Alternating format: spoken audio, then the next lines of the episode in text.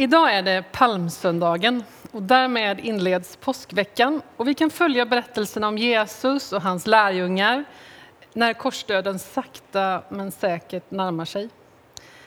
Det här är den dag då Jesus får för sig att göra det ganska udda, att rida in i Jerusalem på en åsna. Det är ju i våra ögon anmärkningsvärt märkligt. Han väcker väldigt mycket uppmärksamhet och reaktioner. Vem är han? Och vad är det egentligen för anspråk han gör? Vad berättar han den dagen? Och hur kommer det sig att en hel folkmassa börjar sjunga och hylla honom?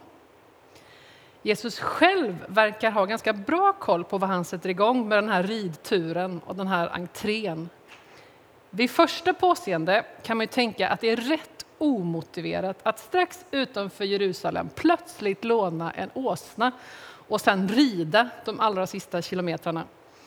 Men det sänder uppenbarligen rätt tydliga signaler till folk runt omkring som också är där, på väg för att fira påsk i Jerusalem.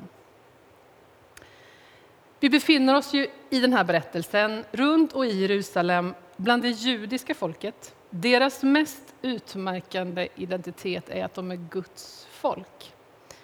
De har en historia som vi känner genom Gamla testamentet och så för de själva är högst levande och närvarande i traditioner, i högtider och i berättelser.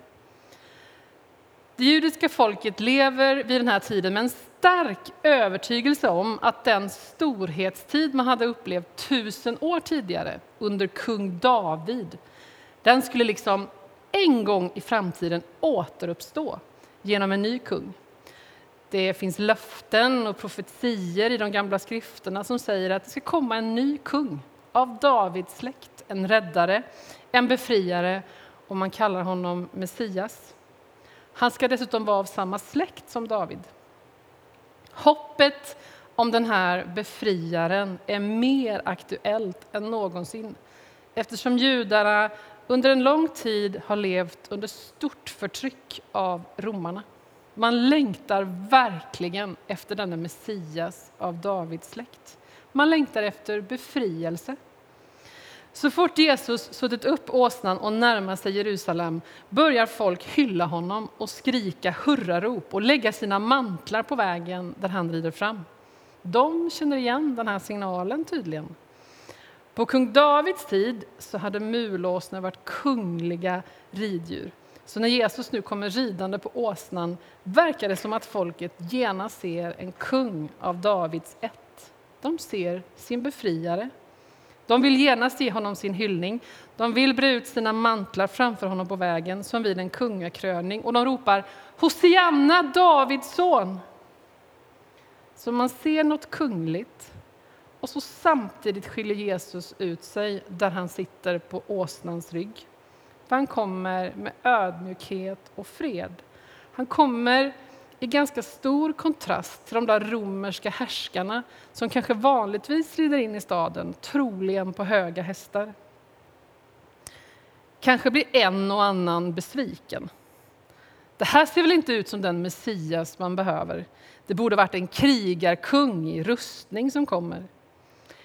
Men Jesus kommer verkligen i enkelhet och ödmjukhet, fredligt sinnad. Och där han sitter på åsneryggen så signalerar han också icke-makt. Han både kommer i enkelhet och som en kung på en och samma gång. Han är ju den Gud som kommer till oss och den Gud som både har skapat hela universum och som samtidigt stiger ner till oss till vår verklighet, till oss var och en och kommer till oss. Till den Gud som kommer både som enkel och som kung på en och samma gång ropas nu det här hyllningsropet. Hosianna betyder i grunden rädda oss eller förbarma dig. Helt enkelt hjälp Sen har det skett en förskjutning till att också bli ett hyllningsrop. Så till den här kungen som kommer på den där åsnan så ropar folket hjälp och hurra i ett och samma ord. Och jag tänker att en sån Gud vill jag ha. En Gud som kommer till mig, som är en kung att hylla och en vän att be om hjälp. Tänk dig att Jesus helt plötsligt, just nu, idag, skulle braka rakt in i vår påskvecka. Rakt in i vår årslunk, rakt in i våra liv, rakt in i vår globala coronakris. Vet du, det är ju faktiskt det han ständigt gör. För han är ju fortfarande den Gud som ständigt kommer till oss, som besöker oss, som skickar signaler både om sin storhet, sin helighet, sin konungslighet och samtidigt sin närhet, sin enkelhet, sin lågmäldhet, sitt tjänande. Precis här och precis nu vill han komma till oss. Komma oss var och en nära, lyssna till oss, komma till vår dag precis så som den är. Bära våra bördor och också ta emot vår hyllning. Han vill komma till oss som kungen, som den som ska frälsa. Och han vill komma till oss som vännen, den som kan hjälpa. Han är så annorlunda mot allt annat. Han kommer med allt det som vi verkligen behöver. Han är kärlek, han är full av nåd och sanning. Han genomskådar våra liv, han genomskådar våra avsikter och han säger ändå att han vill vara vår vän. Han äter med den som andra undviker. Han rör vid den med dödlig smitta. Han lyfter kvinnorna och tar tid för barnen. Och vi kallar allt det här för evangelium, goda nyheter.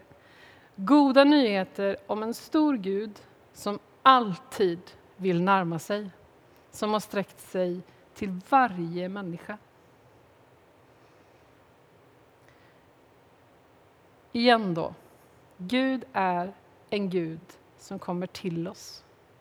Han gör entré som en mäktig kung och som en ödmjuk, nära vän i en och samma person. Han kommer med allt sitt till allt vårt. Han bär den här världen och våra liv i sin makt och kraft. Han har skapat hela universum. Och så ser han samtidigt till var och en av oss. Han gråter med oss, han gläds med oss, han följer oss med blicken och tar oss vid handen. Han är mottagaren i alla lägen av våra Hosianna-rop. Ingen hyllning, inget hurrarop skulle kunna vara för stort för honom. Det går liksom inte att ta i för mycket. Det går inte att höja honom för högt. Det finns belägg för de allra största ord vi skulle kunna formulera om honom. Men också ropet om hjälp tar han emot. Gud, förbarma dig. Kom till mig i min gråt. Kom till mig i min nöd. Bär min börda, för jag går sönder. Han håller för den djupaste nöden och den mest smärtsamma gråten. Och när ditt Hosianna till och med är helt ordlöst så kan det få landa hos honom.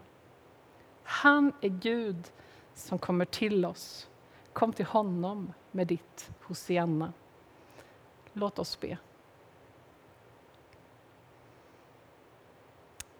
Herre, tack för att du kommer med allt ditt till allt vårt. Du besöker oss i det alldeles vanliga. Ingenting kan förminska dig. Ingen kris i hela världen. Och du kommer oss alltid nära. Igen och igen och igen. Amen.